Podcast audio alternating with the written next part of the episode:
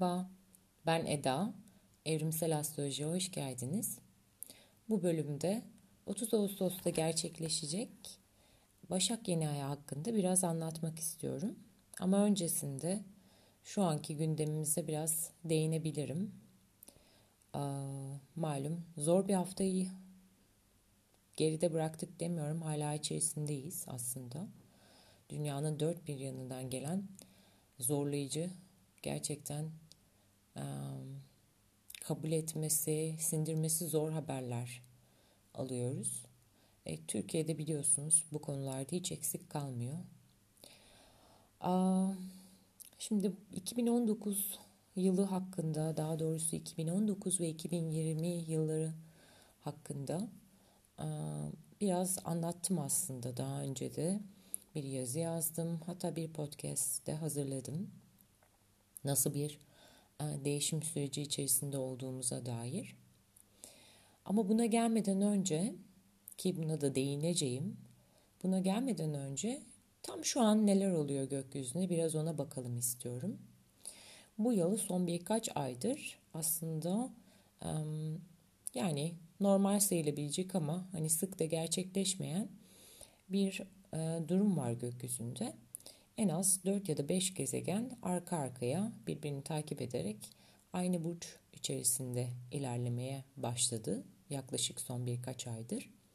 Haziran ayının ve Temmuz'un bir kısmında bu yengeç burcuydu. Yani Güneş, e, Güneş, Merkür, Venüs ve Mars e, yengeç burcundaydılar. Dolayısıyla çok yoğun bir şekilde yengeç enerjisini deneyimledik. Akabininde Aslan Burcu devreye girdi ee, ve Temmuz'un son haftalarıyla Ağustos haftası, Ağustos'un yarısına kadar Aslan Burcu enerjisi çok yoğundu. Biliyorsunuz Aslan Burcu ateş elementi ve bu yoğunluk içerisinde Amazon ormanlarındaki e, yangınlar gerçekleşmeye başladı.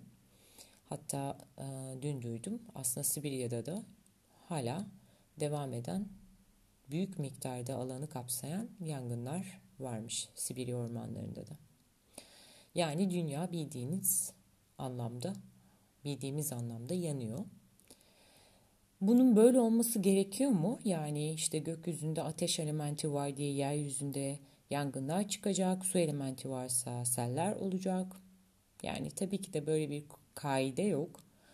Ee, ama şunu çok net bir şekilde astrolojide gözlemleyebiliriz. Her enerjinin iki farklı kullanımı var, iki farklı yansıması var. Bir aydınlık tarafı ya da daha bilinçli olarak kullandığımız tarafı, diğeri ise karanlık tarafı, çok da bilincinde olmadığımız tarafı diyebilirim. Mevzu ateş elementi olunca evet yoğun öfke olarak kendini gösterebilir gölge tarafı, yoğun işte doğal doğal afetler üzerinden eğer doğal afetleri bizim kendi bilinç seviyemizin dışarıya yansıması olarak düşünürsek çünkü hani kendiliğinden gerçekleşmiyor artık bu doğal afetler insan yapımı Amazon ormanlarının yakıldığını biliyoruz şu an en azından. Evet işte insandaki ateşin negatif şekilde dışarıya yansıması diyebiliriz. Öfkenin, kendinin farkında olmamanın, çünkü ateş elementi bilinçle çok bağlantılı bir element ve bilinçsizliğin bir göstergesi olarak aslında deneyimliyoruz. Deneyimledik diyelim. Şu an çünkü bir geçiş oldu Başak Burcu'na doğru. Ateş elementinin bilinçli kullanımı ise tamamen yaratıcılıkla, ihmam verici işlerle kendini gösteriyor. Mesela sanatsal patlamalar yaşanabilirdi. Yaratıcı buluşlar, icatlar devreye girebilirdi. Belki de girdi ama e, gölge tarafı kadar baskın çıkamadı çünkü şu an dünya gerçek anlamda yanıyor. İzmir'deki yangınlar da daha yeni değil mi?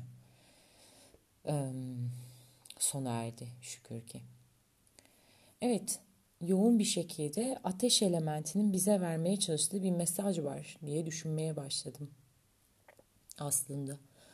Ki ilginçtir. Amazon ormanlarındaki yangınlar tam da gökyüzünde ateş elementinin en yoğun olduğu zamanlarda başladı. Biz sadece haberi biraz geç aldık çünkü medya bunu önemli olmadığını düşündü sanırım. Ee, ve tam bir geçiş evresindeyken konu gerçek anlamda gündeme gelmeye başladı. Geçiş de neydi? İşte ateşten toprağa doğru ve biz toprak, orman, toprak ana konusu kendini gerçek anlamda göstermeye başladığı süreçteyiz. Ee, evet önce ateş elementinin bilinçlenmekle ilgili bence çok net bir mesajı vardı bize ve şimdi gökyüzünde yoğun bir şekilde Başak Burcu yani toprak elementi hakim. Özellikle de 30 Ağustos'ta ki yeni ay bence bu anlamda bir zirve noktası yapabilir. Şu anda toprak ananın yani toprağın bize vermeye çalıştığı, göstermeye çalıştığı bir mesaj var. Bu mesajın ne olduğunu aslında hepimiz biliyoruz. O yüzden çok böyle e, bilmişlik taslamayacağım açıkçası bu konuda. Evet, bir nokta var aslında burada değinmeye çalıştığım.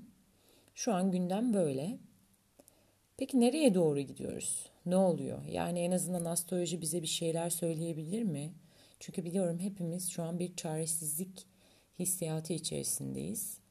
Ee, Amazon ormanlarındaki yangını durduramıyoruz. Ülkemizdeki katliamları kadına yönelik, hayvanlara yönelik, güçsüze yönelik.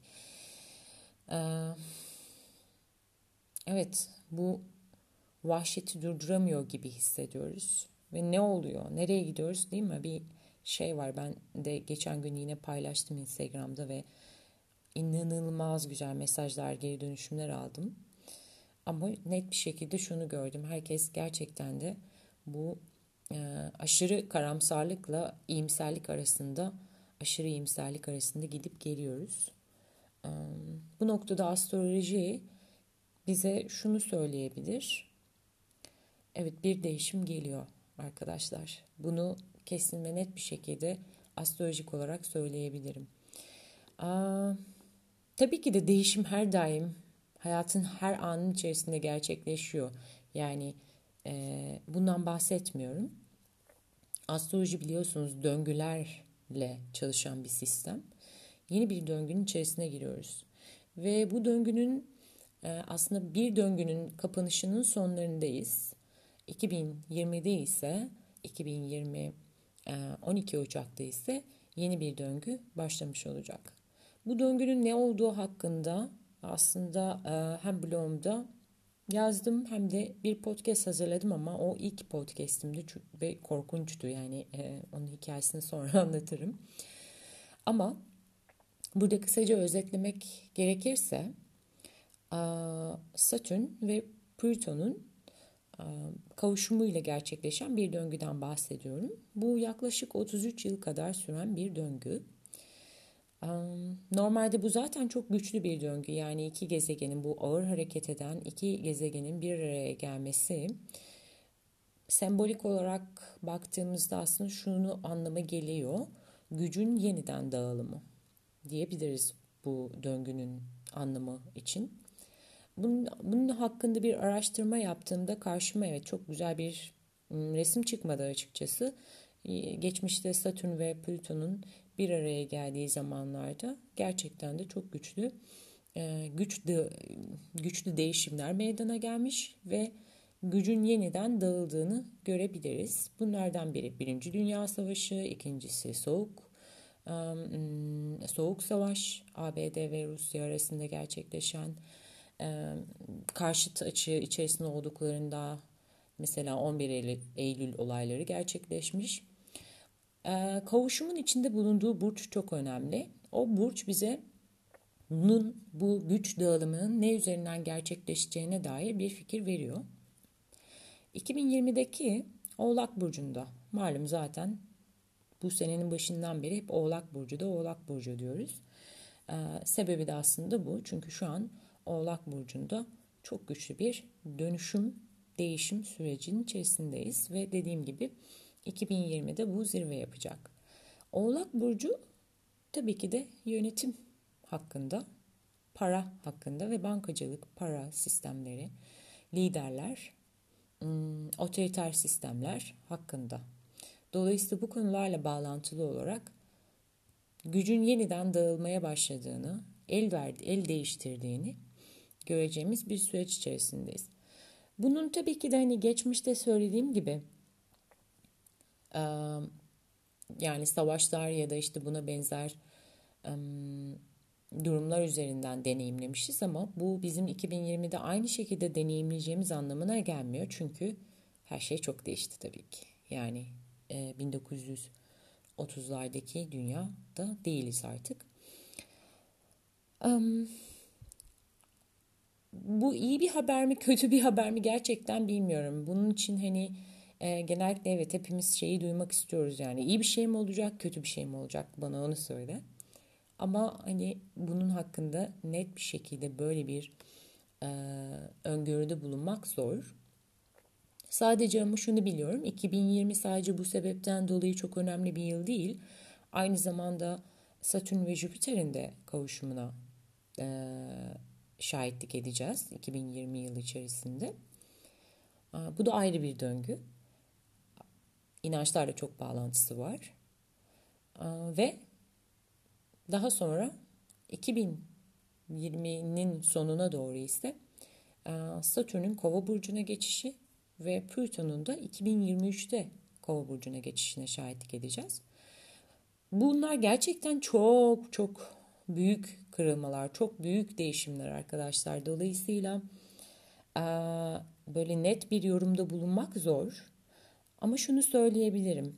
2020'deki bu kavuşum, Satürn-Plüto kavuşumu aslında daha önce 2008'de başlamış bir hikayenin sonlanması anlamına geliyor. 2008 deyince aklınıza belki biz Türkiye'de çok hani net bir şekilde hissetmedik ama 2008 deyince aklımıza şey gelmesi gerekiyor bu durumda, bu hikaye içerisinde. Büyük dünya ekonomik krizi, Wall Street krizi diye de geçiyor. Oradaki bankacılık sisteminin çöküşüyle, banka sisteminin çöküşüyle başladı. Çünkü 2008'de Plüto Oğlak Burcu'na giriş yaptı. Ve işte 2023'te Oğlak Burcu'ndan çıkıp Kova burcuna doğru geçiş yapmış olacak. Ama onun öncesinde Satürn'le bir buluşması var. Satürn'le bu buluşmada bize şeyi gösteriyor. Evet. Otoriter sistemler belki daha otoriter olmaya başlayacak ya da otoriter sistemler kırılmaya başlayacak. Liderlik anlayışına bakarsak eğer daha fazla yolsuzluğa uğratmış liderlerle karşılaşabiliriz veya bunun çözülmesine bu durumun şifalanmasına, değişmesine şahitlik edebiliriz. Tabii şahit et, şahitlik etmek diyorum ama hani biz burada tabii kukla gibi hani öyle oturduğumuz yerden izlemeyeceğiz. Bir fiil hayatın içerisindeyiz ve hepimiz etkileniyoruz tabii ki de. Aa, bu noktada tavsiye vermek gerekirse eğer her zaman için bu yılın başından beri söylediğim bir şey var. Sisteme eğer çok fazla tutunuyorsanız tutunuyorsak veya sistemin içerisinden çok fazla besleniyorsak evet 2020'deki bu kırılma bizi de güçlü bir şekilde etkileyebilir. O yüzden bir şekilde A planı yerine B planları, C planları yapmakta fayda var. Paraya bakış açısının değişmesi bu anlamda bu sürece adapte olmakta gerçekten yardımcı olabilir. Hmm, ve yengeç enerjisini hayatımıza çekmek yani topluluk, grup enerjisini hayatımıza çekmek bu anlamda gerçekten faydalı olabilir. Dünyanın gidişatını da göz önünde bulundurursak eğer birbirimizi karşılıklı armağanlarımızla besleyeceğimiz grup ve topluluklar oluşturmak bu süreçte hayatta kalmamızı gerçekten inanılmaz yardımcı olacağını düşünüyorum. Evet.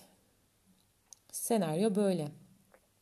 Daha fazla bunun hakkında merak ediyorsanız eğer ben yine de katlanırım dinlerim diyor dinlerim diyorsanız o bahsettiğim podcast'in linkini e, ve bahsettiğim yazının linkini nereden paylaşırım? Instagram'dan paylaşırım diye düşünüyorum ya da e, bana sorabilirsiniz.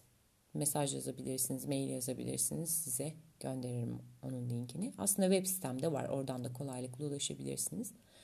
Evet bu kısmı biraz daha fazla detaya girmek istemiyorum. O yüzden kapatıp hemen bu yeni aya odaklanalım. Biraz ona bakalım. 30 Ağustos Cuma günü öğleden sonra bir yeni ay var. Bu yeni ayda da yine bahsettiğim gibi 5 gezegen birden Başak Burcu'nda. Bu arada şunu belirtmem gerekiyor. Gezegen diyorum ama tabii ki de Güneş ve Ay gezegen değil. Bunu biliyorum. Ama astrolojide hani e, bir söylem olarak hepsine birden gezegen diyoruz. Öyle çok ayrılmıyor ama biliyorum yani. Ay gezegen değil, Güneş gezegen değil. Evet. E, Venüs, Mars, Ay, Güneş, Merkür beşi birden Başak Burcu'nda olacak bu yeni ay esnasında. Ve bu yeni ay e, sıkı bir yeni ay arkadaşlar. Çünkü Mars'la kavuşumda olan bir yeni ay. E, Başak Burcu'ndaki bir Mars gerçekten hmm, psikopat olabilir yani. Bunu net söyleyebilirim.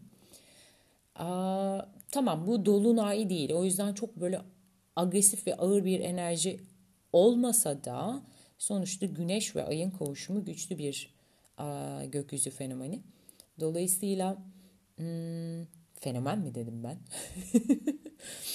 evet onu çıkartalım. Hmm, neden öyle dedim hiç bilmiyorum. Evet. Ay ve Güneş'in kavuşumu oldukça güçlüdür. Mars varsa yeni, yeni başlarında şöyle söyleyebilirim. Yine iki tarafından bakarsak eğer iki hani hem gölge tarafı hem de aydınlık tarafından bakarsak eğer aydınlık tarafından baktığımızda bugüne kadar hani yapılacak listelerimiz varsa şunu yapmak istiyorum, bunu yapmak istiyorum, detaylandırmışsak, planlamışsak gerçekten bu yeni ayla harekete geçmek için aradığımız, beklediğimiz o gazı, o yakıtı bulabileceğiz kolaylıkla. Yani bir şeyleri başlatmak, hızlandırmak, süreci hızlandırmak açısından oldukça destekleyici bir yeni ay bu. Hmm, ama tabii ki de şeyi tavsiye ederim yani o başak enerjisini aktif tutmayı, detaylara dikkat etmeyi, yapacağınız işin, girişeceğiniz işlerin, planladıklarınızın, hayallerinizin biraz hani öncığına cıncığına girmek iyi olabilir bu süreçte. Gerçekten fonksiyonel mi, işe yarıyor mu, çalışıyor mu? Bunlara bakmak faydalı olur. Bu enerjiyi verimli kullanmak anlamına geliyor net bir şekilde. Bir de yeni aya Uranüs'ün e, tam bir açısı var. Üçgen bir açı bu. Dolayısıyla uyumlu bir açı. Ama sürprizlere de açık olduğum olmamız gerektiğini de gösteriyor bu. Yeni ay haftası yani yeni aydan biraz önce, yeni ay sonrası, birkaç gün sonrası aslında iki hafta sürüyor etkisi öyle düşünebiliriz. Ee, gerçekten de hayatımızda sürpriz gelişmeler kendini gösterebilir. Nasıl sürpriz gelişmeler? Çoğunlukla işle bağlantılı olacağını düşünüyorum. E, ya da bahsettiğim işte plan ve projeleriniz açısından, yapmak istedikleriniz açısından e, sürpriz destekler olabilir. Güzel haber yani. Ama negatif tarafından baktığımızda Başak Burcu'nun ve Mars ile kavuşumunun e, yani gölge tarafı devreye girdiğinde Mars biliyorsunuz agresyon demek. Yani bir şeyleri gerçekten olmadığında, yolunda gitmediğinde e, iş yani işin işi yokuşa sürebiliriz, zorlaştırabiliriz. Hmm, o hani psikopat dediğim enerji devreye girebilir gerçekten de. Ee, ani fevri davranışlara açıkta olacağımız e, bir enerji bu açıkçası. Özellikle de yeni ayın hani öncesi, biraz öncesi, biraz sonrası gibi düşünebilirsiniz bunu. O yüzden biraz dikkat etmekte fayda var diye düşünüyorum. Ve aslında yeni aydan önce işte Perşembe günü Merkür de Başak Burcu'na giriyor. Merkür Başak Burcu'nu sever. Yani böyle ayrıntılara gireyim, analitik bakayım, rasyonel düşüneyim, oluyor mu olmuyor mu tartayım, biçeyim tarzında bir enerji bu. Fakat işte bahsettiğim gibi hani 5 gezegen birden aynı burçta olunca dengelemek haliyle biraz zorlaşıyor. O yüzden takıntılı olmak, hani um, ayrıntılara fazla değer vermek, bir şeyleri zorla oldurmaya çalışmak, mükemmelleştirmeye çalışırken kendimizi çok fazla hırpalamak gibi yansımaları var bu enerjinin. E tabii ki Başak Burcu dediğim gibi toprak ana. Onun da bize vermek istediği mesaj çok bariz bir şekilde ortada. Bu yeni ayı bu anlamda ben hani şey düşünüyorum. E, belki biraz doğa içerisinde vakit geçirmek iyi gelebilir. E, doğayla temas kurarak, toprakla temas kurarak onun bize gerçekten vermek istediği mesajı almaya e, açık bir halde Hmm, doğanın içerisinde yürüyüşler yapmak, belki bir ağaca dokunmak, belki toprakta çıplak ayakla yürümek. Bu tipten aktiviteler e, gerçekten iyi gelebilir. Ve ayrıyeten belki bir ağaç dikmek, belki bir ağaç hani bu işi yapan birilerine destek olmak bu anlamda da hani toprağa olan borcumuz var ya öyle düşünüyorum çünkü ben gerçekten e, çok fazla borçlandık gibi hissediyorum toprak anaya. E, o borcu ödemek adına belki içinizden gönlünüzden geçen bir şey varsa bu yeni ayla buna niyet edip harekete geçebilirsiniz. E, yani ben işte bahçeme belki bir ağaç daha ekmeyi düşünüyorum bu noktada veya işte bunu yapan kişilere destek çıkmak gibi fikirler olabilir. Evet, benim söyleyeceklerim bu kadar. Bugün biraz enerjim düşüktü. Galiba sadece bugün değil, bugünler de diyelim böyle. Bazen böyle dalıp gidiyorum, boşluğa bakıyorum. Bu aralarda böyleymiş diyorum. Son bir şey aslında söyleyeceğim. Chiron ya da işte Kiron deniliyor. Türkçe'de Şiron diyenler de var. Koç burcunda. Bunun hakkında da konuşmuştuk daha önce. Yani birkaç yazı paylaşmıştım. Chiron malum yaralı şifacı. Koç burcunda olunca yaralarımız hep kim olduğumuzla, kimliğimizle bağlantılı olarak kendini gösterir.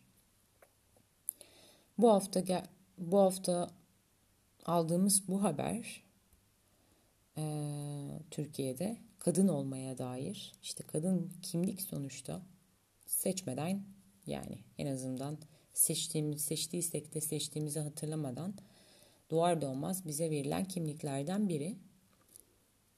Sırf işte kadın olduğum için ya da gay olduğum için ya da bilmiyorum herhangi bir kimlik hiç fark etmez. Bu sebepten hırpalanmayı anlatıyor aslında. Bu sebepten acı çekmeyi, yaralanmayı anlatıyor. Kayron'un Koç burcunda olması. Ee, ve retro şu an Kayron. Hani geçmişteki mevzular tekrardan gündemimize geldi ki Türkiye'de malum kadın cinayetleri yeni bir mevzu değil. Geçmişin kanayan yarası ve Chiron Koç burcunda retro yaparken bu kanayan yara çok çok çok güçlü bir şekilde tekrardan karşımıza geldi. Ama Koç burcu aynı zamanda savaşçı olmayı anlatıyor. Hayatta kalmayı, direnmeyi, gücünü göstermeyi anlatıyor. Bence bu sembolizmanın da aktive olmasının zamanı geldi ya da bu sembolizmayı da harekete geçirme zamanımız geldi diye düşünüyorum. Gücümüzü ele almak, gücümüze sahip çıkmak, kim olduğumuzdan utanmadan kendimizi ortaya koyabilmek gibi anlamları var tabii ki de ve Chiron bu yeni aya yani yeni ayla bir kontağı var, bir açısı var. Bu demektir ki mesele daha henüz yeni başladı. Uh. O zaman herkesin kendi olabildiği hem karanlığı hem de aydınlığı ile barışık olabildiği ve bu sayede her şeyle uyumlu bir şekilde yaşayabildiği bir dünya hayalimle kapatıyorum bu bölümü. Dinlediğiniz için teşekkürler.